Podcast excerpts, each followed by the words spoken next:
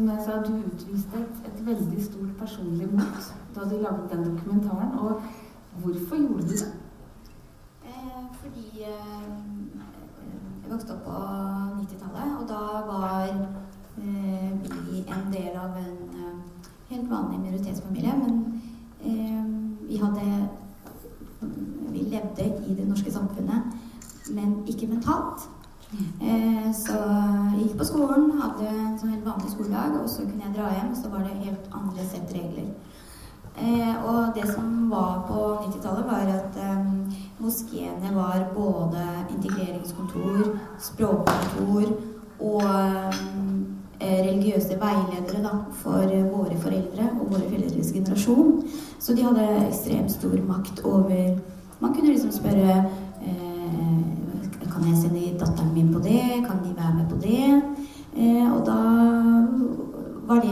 kjempestor del av vårt liv, da. Som også i kanskje i mye større grad eh, eh, ga veiledning om hvordan en ordentlig jente skulle se ut, og hva hun skulle være med på, hva hun ikke skulle være med på. Og da var eh, giftermål eh, og ikke minst eh, omskjæring en del av det. da. Så det du gjorde, var å gå i møte med imamen og hadde med deg skjult kamera. Mm. Og hadde samtaler og kunne vise da, til det hele, hele folket etterpå at uh, imamer i Norge anbefalte jenter å omskjære seg. Ja, fordi at eh, når norske journalister eller offentligheten spurte, så var det ikke det. De bare Nei, nei, nei, vi gjør ikke sånn. Hva er det du snakker om? Eh, også på fredager så var det sånn der at eh, man kunne liksom organisere reiser. Altså husk å gjøre det i, i den og den alderen. Helst på sommeren, for da er det lang tid de møter andre nordmenn. Ikke sant? Så det var jo en eh, man, eh, Vi følte oss ikke trodd. Og vi hadde ikke sjans, ikke sant? Eh, så det, det var litt for å på en måte si at ok, dette er vår virkelighet også. Hva var reaksjonene du fikk etterpå? Jeg var ikke den mest populære jenta på Grønland. Det var ikke det. Eh, men eh, det ble jo et eh, helvetes styr. Unnskyld uttrykket, kan man bruke Det helvete på greit. nasjonalt Du er blant, er venner. Eh, og eh, ble veldig fornærma. Eh, men det var også en eh, veldig fantastisk eh, mulighet til å ta tilbake makten. Og det, eh, ikke bare makten over sin egen kropp, men jeg husker at jeg var på eh, Min første debatt var med en imam på eh, tabloid i TV 2. Eh, og da satt vi jo på et sånt bord, og jeg husker at jeg satt hele tiden og tenkte Hvor skal jeg se? Hvor skal jeg feste blikket mitt? Fordi at den maktstrukturen var snudd opp ned. Jeg var veldig vant til å sitte sånn og sånn, og så plutselig satt vi da. eh, Og jeg så han rett i øya. Og det, var, eh, det er vel en av de eh, opplevelsene som har formet meg mest, tror jeg. Eh, At det var da jeg kjente at jeg fikk tilbake noe, eller fikk en stemme. Lise, du har vært aktiv i politikken i, i Drammen i, i, lang tid. Og, og også mens Drammen ble veldig forandra gjennom de 20 årene. Nå er det 27% av befolkningen i Drammen som har minoritetsbakgrunn. Så det prega selvfølgelig politikken i Drammen. Eh, når ble du og de andre oppmerksom på den uretten som ble utvist mot minoritetsjenter?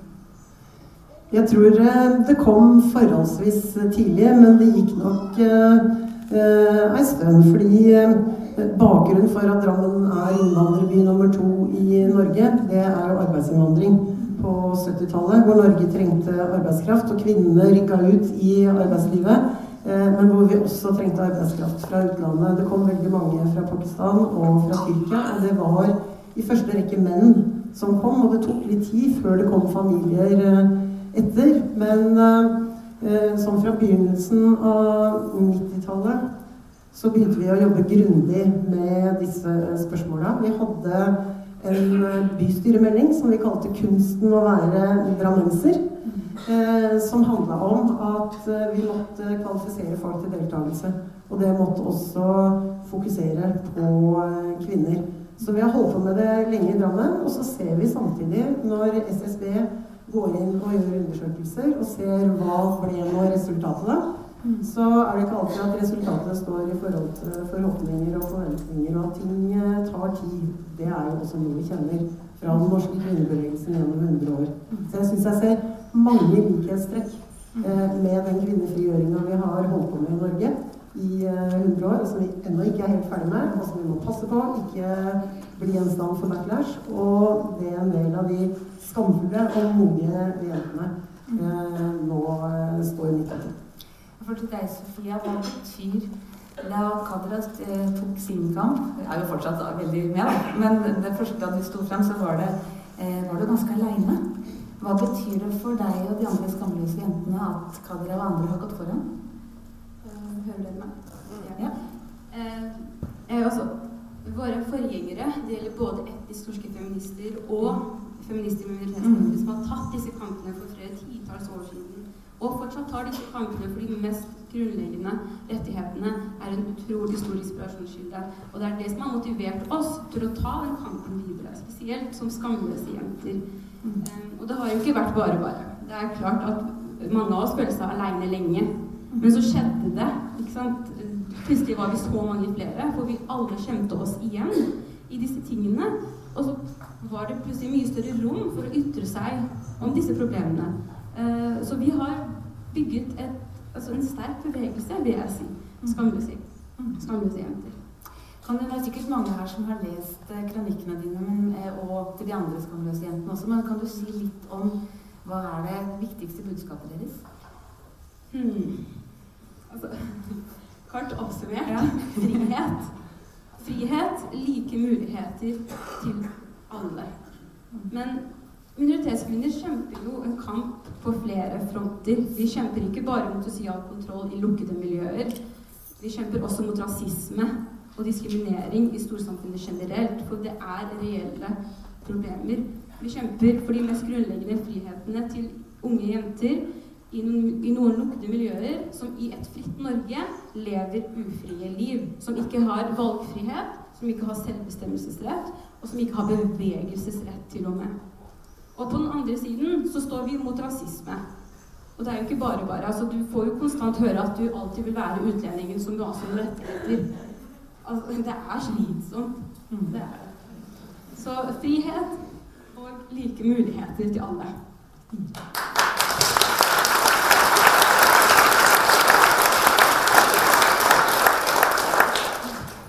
Eh, det du tar opp der, tenker jeg er, er kjempeinteressant. Og også den, den derre litt eh, Som vi kanskje har kalt berøringsangst fra norske feminister. Fordi man er så opptatt av å være antirasistisk også.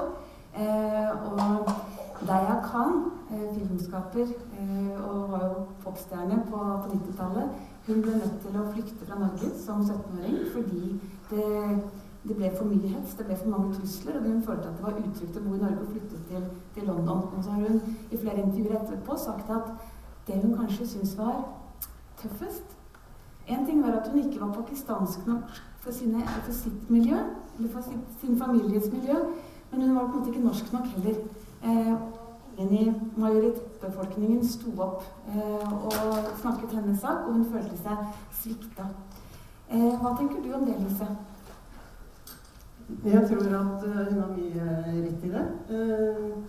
Uh, jeg tilhører jo Arbeiderpartiet, og vi har et eget kvinnenettverk. Og vi har brukt litt tid i kvinnenettverket i Buskerud og Drammen, som jeg tilhører, på å snakke om hvordan vi skal greie å rekruttere og ta opp i innvandrerkvinner, innvandrerjenter. Så ser vi at noen dukker opp. blir kanskje et par møter, og så blir borte igjen. Så vi har prøvd å, å diskutere litt også mellom hva er det som gjør at vi kanskje ikke oppleves som helt relevante eh, for en del eh, jenter med innvandrerbakgrunn eller flyktningbakgrunn. Så eh, jeg syns at det er et spørsmål som kvinnebevegelsen på alle nivåer må stille seg. Jeg eh, syns det var en vekker for eh, en del år siden, da navalen ga ut sine 111 gode råd for god integrering, og ga kvinnebevegelsen egentlig det glatte lag. Si at ikke vær så redd for å bli kalt for rasister. Trå til. Vi har trådt til for oss sjøl. Vi må trå til på samme måten også når det gjelder jenter med innvandrerbakgrunn. Og eh, sjøl så har jeg faktisk fått så hatten av passa fordi at jeg egentlig ønsker meg et nikab-forbud. Jeg tror at hvis norske jenter hadde blitt pressa inn i en nikab eller en burka, da hadde det blitt ganske opprør. Og da kan vi ikke si at vi i toleransens navn skal ønske den typen intoleranse velkommen i Norge. Så jeg, jeg, mener at vi er nødt til å tørre å ta en del av de kampene og si at dette er noe vi kjenner igjen. Vi kaller det sosial kontroll i dag, så tenker vi kanskje på imamer og muslimer og det slike. Men kan vi ikke kalle det for kvinneundertrykking, så kjenner vi det igjen fra vår egen historie og vår egen virkelighet.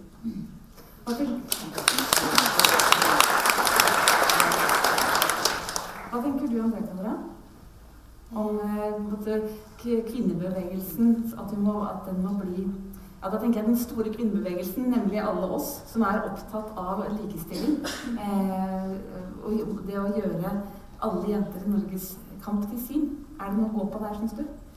Ja, det syns jeg absolutt. Man ser jo veldig gode eh, Eller eh, godt fremgang der. At det, det skjer veldig mye. Og Eh, man er interessert i å eh, møte hverandre og ikke være så redd for å snakke om ting. Eh, men, men, det som er veldig viktig, er å også liksom um, Samtalen er det viktigste, egentlig. Mm. Eh, fordi det, det, er alltid lett å si at det, det, burde vi ha gjort, det kunne vi ha blitt bedre på. Det kan alle gjøre. Eh, det som er viktig, er å lære fra det. Eh, og det vil alltid komme nye utfordringer som man er usikker på. Er dette Eh, går dette utover jenter? Går dette utover eh, eh, kamp? All samtale om religion, eh, kultur, eh, forskjeller og annerledeshet, men også hva som forener oss, er viktige. Og da mener jeg den offentlige samtalen også er en, en god drivkraft. Da, ikke sant? Mm. Hva tenker du er, er annerledes nå? Altså Hva får du ser på de skamløse jentene, og hvilke utfordringer de står overfor i forhold til da du var på denne alderen? Eh, for det første så syns jeg de er ekstremt flinke. Eh, og de er veldig unge også. Eh, så jeg syns det er viktig at man gir dem litt slack og, og, og liksom tar vare på dem også. og så syns jeg at det er det som er utrolig kult, som de har gjort, er at de søker innover i et fellesskap. Og det er veldig bra. Mm. For hvis du skal tenke altså er det blitt, Men er det blitt noe bedre? Eh, er det lettere å være jente i Norge i dag enn det var da du var 20? Eh, jeg håper det. Eh, og det, det Patriarkatet vil jo ikke dø. Jeg skulle ønske at jeg kunne sitte her og si det, men det vil jo ikke det. Ikke Folk vil jo ikke gi fra seg makt, og spesielt makt over kvinner. Det vil man ikke gjøre i morgen. Men det at det står jenter og dytter på hele tiden, er veldig bra. Jeg syns de er kjempeflinke. Lise? Det jeg syns er eh,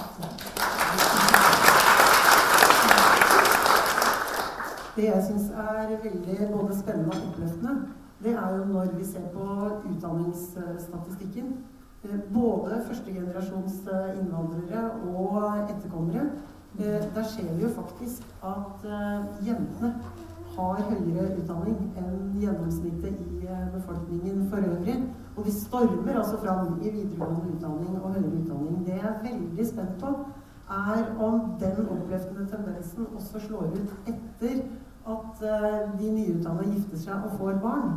Uh, og der bør kanskje også den norske kvinnebevegelsen ha et lite varsku og si at dette vet vi noe om, fordi at sånn var det i Norge for ikke mer enn en generasjon tilbake. Eh, når kvinner gifta seg, om du var godt utdanna eller ikke, så eh, skulle du få barn, og da skulle du være hjemme og ta deg av mann og barn til tross for at du hadde en eh, god utdanning. Så dere skamløse jenter, ikke gå i den fella, for den er det noen som har gått i før.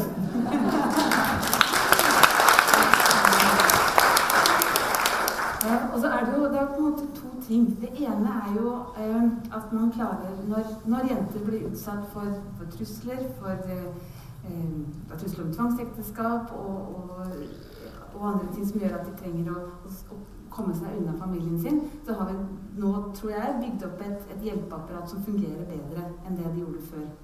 Eh, en annen ting er jo den forebyggende delen. Vi har lyst snakke litt om det, om det hjelpeapparatet med krisesentrene som gjør en, som gjør en kjempeviktig jobb.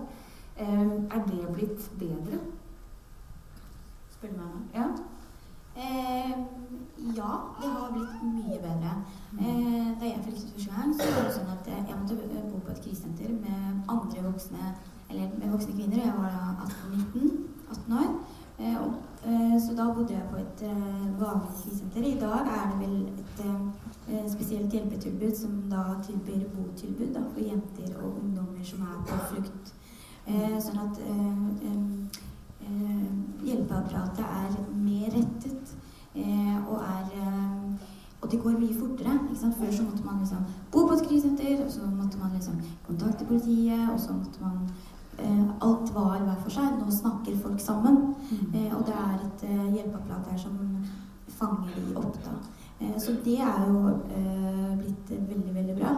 Mm. Eh, og det er jo igjen skyldes fordi at politikere de spurte oss om ja, hva, hva skal dere, hva skal, hvordan skal vi få løst dette her.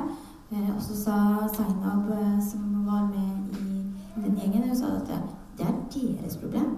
Jeg skal ikke sitte her og komme med løsninger, for jeg vet ikke om jeg skal løse dette problemet. Dette må dere finne ut av hvordan man gjør. da. Så etter at de hadde snakket med ungdommer, så kom Og det er jo et hjelpeapparat som alltid kan bli bedre, men det fungerer i hvert fall foreløpig. Mm.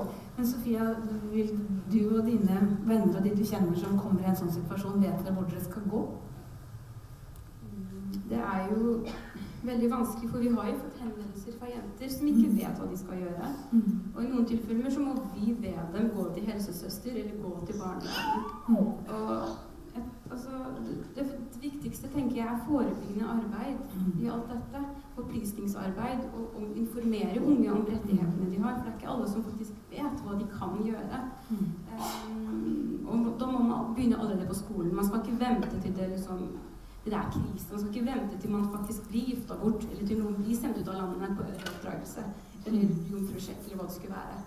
Uh, ja, så Den forebyggende delen så har vi vært mye bedre på. Vi syns vi kan ha enda større tverrkulturell kompetanse innenfor helse- og rettsvesen. Uh, minoritetsrådgivere kan vi faktisk tidoble. Uh, som også har tverrkulturell kompetanse. For vi har også hørt at noen opplever det som litt fremmedgjørende å gå til minoritetsrådgiver. Man skyver liksom minoritetsunge bort dit for alle problemer de har. For ikke alle problemer er minoritetsproblemer. Mm. Ikke sant? Det er veldig viktig poeng.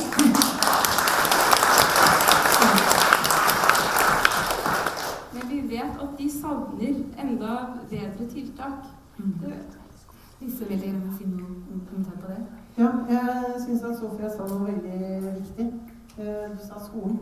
Eh, og for en 12-13 eh, år siden så hadde vi en sånn diskusjon i Drammen. Da begynte diskusjonen om tvangsekteskap å komme opp. At ungdom ble tatt med hjem på ferie, gifta bort før de nesten fikk stygg for seg. Ante ikke egentlig hva som skulle skje. Så vi bestemte oss for å ta det opp i skolene. Og så var det diskusjon om det. og vi har et stort apparat. Og vi bestemte oss for nei, vi begynner, vi begynner med den samtalen og tok det opp eh, i klassene før, når det nærma seg sommerferie. Sa klart ifra. Hvis noen av dere er redd for at det kommer til å skje med dere, ta kontakt med skolen. Eh, hvis noen av dere ikke kommer tilbake fra ferie, vi skal leite etter dere og prøve å finne dere.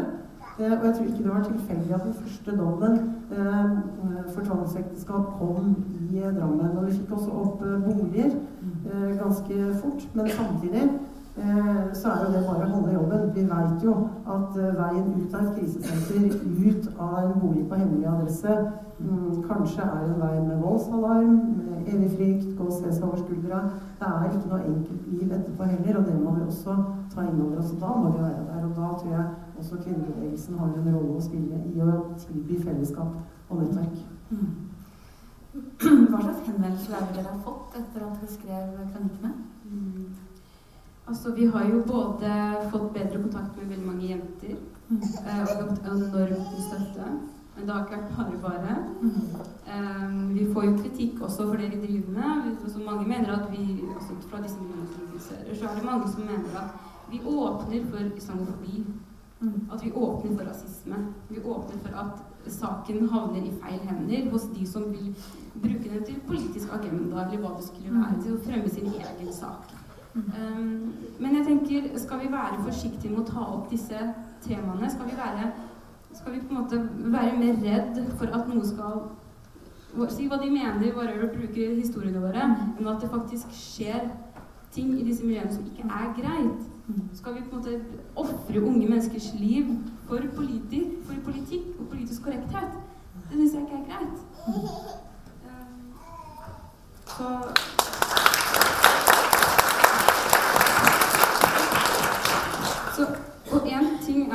er, er, politikere som med en litt um, problematisk retorikk fremmer saken vår.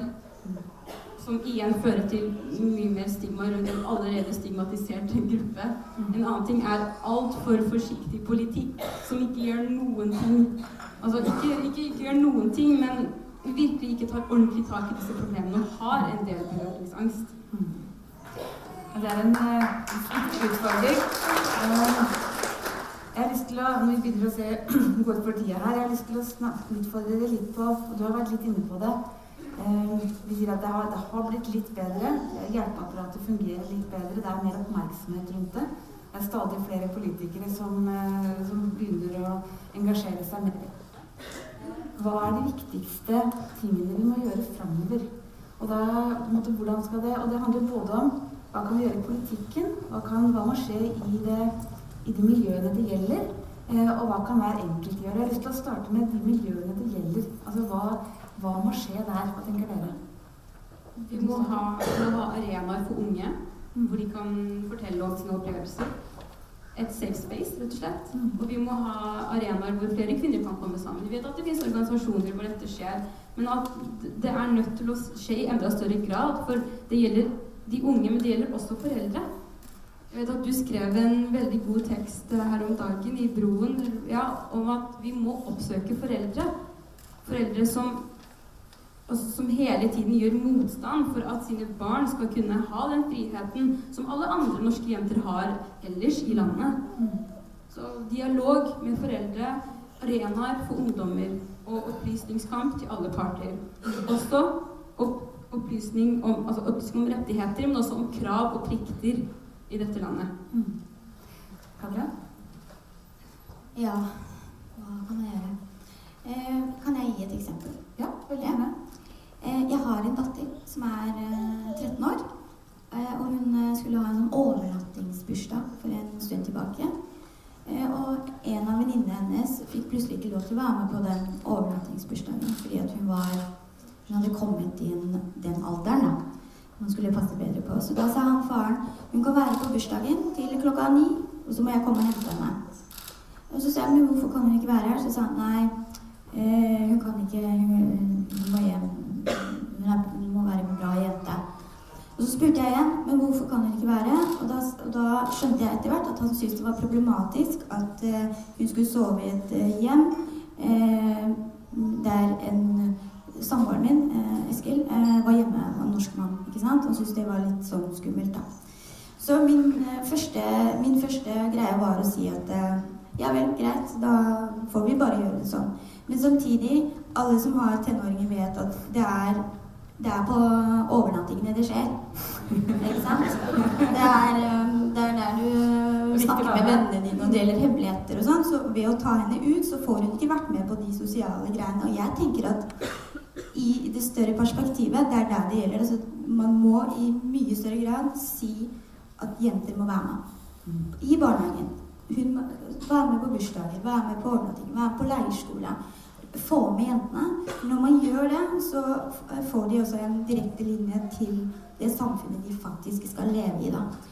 Det vi gjorde i denne saken, var at eh, jeg hadde ikke lyst til å liksom si at Eskil kan ikke være her, for jeg har ikke lyst til å gi det inntrykk av at alle uh, menn som ikke er hennes far eller bror, er potensielle overgrep, overgrepsmenn. Det har jeg ikke lyst til. Men samtidig så spurte jeg Eskil kanskje, kanskje vi skal bygge litt tillit her. Mm. Så da sa han å, kan jeg dra på fotballpub? Vinn-vinn, rett og slett. Ja, kjempevinn-vinn. Men poenget er gang så vil faren si ja da. Og de daglige møtene, de daglige samtalene der man utfordrer, utfordrer hverandre, spør hverandre går dette bra, har du lyst til å være med, skal jeg snakke med foreldrene dine, det er der det skjer. Det er bare så mye politikken kan gjøre. Mm. Det er enkeltmenneskene som gjør, kan gjøre det best. Mm.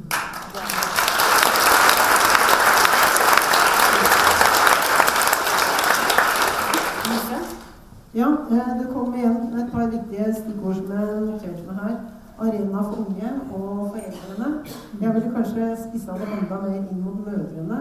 Eh, for sånn som jeg kjenner eh, mødre, så er det veldig få mødre som liker å bli hersa med av sine egne sønner. Som liker å ha null innflytelse på framtida til sine egne døtre. Jeg tror det ligger et stort potensial i å myndiggjøre mødre. Eh, jeg tror at arenaen både for de unge og for mødrene er skolen. Det er et bindeledd. Vi har erfaringer fra eh, Drammen. Vi starta prosjektet Idretten av fargeblind og satte i gang med tilbud til eh, innvandrergutter og innvandrerjenter. Og det var innvandrerguttene som kom helt til idretten inngikk et samarbeid med skolen. Og skolen slo som arrangør. Da fikk også jentene lov å kaste spyd på Marienlyst stadion og gå i svømmehallen på Galterud osv. Og, og eh, det er sikkert mange av dere som har hørt om eh, Unni Helleland, en fantastisk lærer som nå har gått av med pensjon. Som har jobba eh, på Fjell skole i Drammen eh, i nesten hele sin yrkesaktive eh, periode. Og der var det ikke noe som het 'ikke få lov til å dra på leirskole'. Eh, hun bare innkalte foreldra om igjen og om igjen og om igjen, og maste så lenge at foreldra ga seg. Så alle dro på leirskole.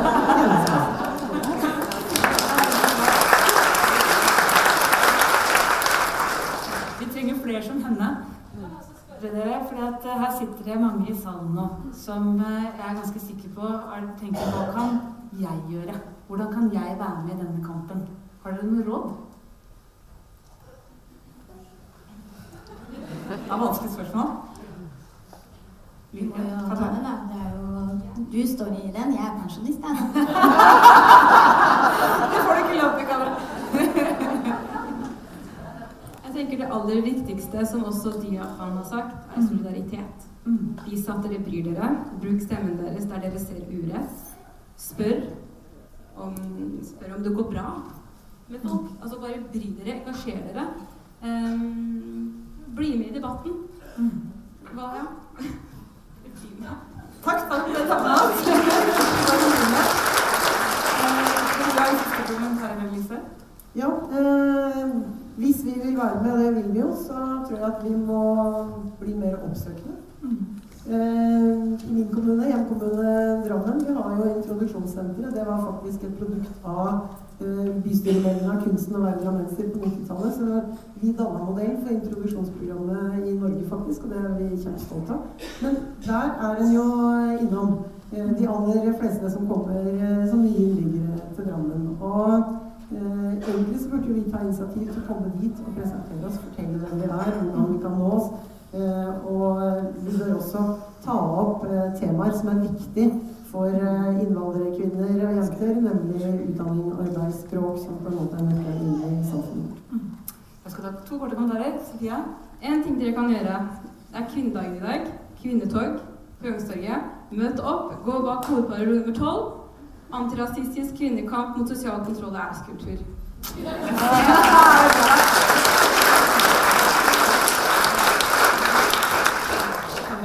Nei, en ting jeg håper eh, også vil komme fremover, er eh, flere minoritetsgutter i den kampen her. Eh, vi trenger dem. Eh, og så hvis det er noen lærere i salen, så vil jeg bare si at man skal heller ta tak i innvandrermødrene og si at hold litt lenger på gutten og slipp jenta litt mer fri.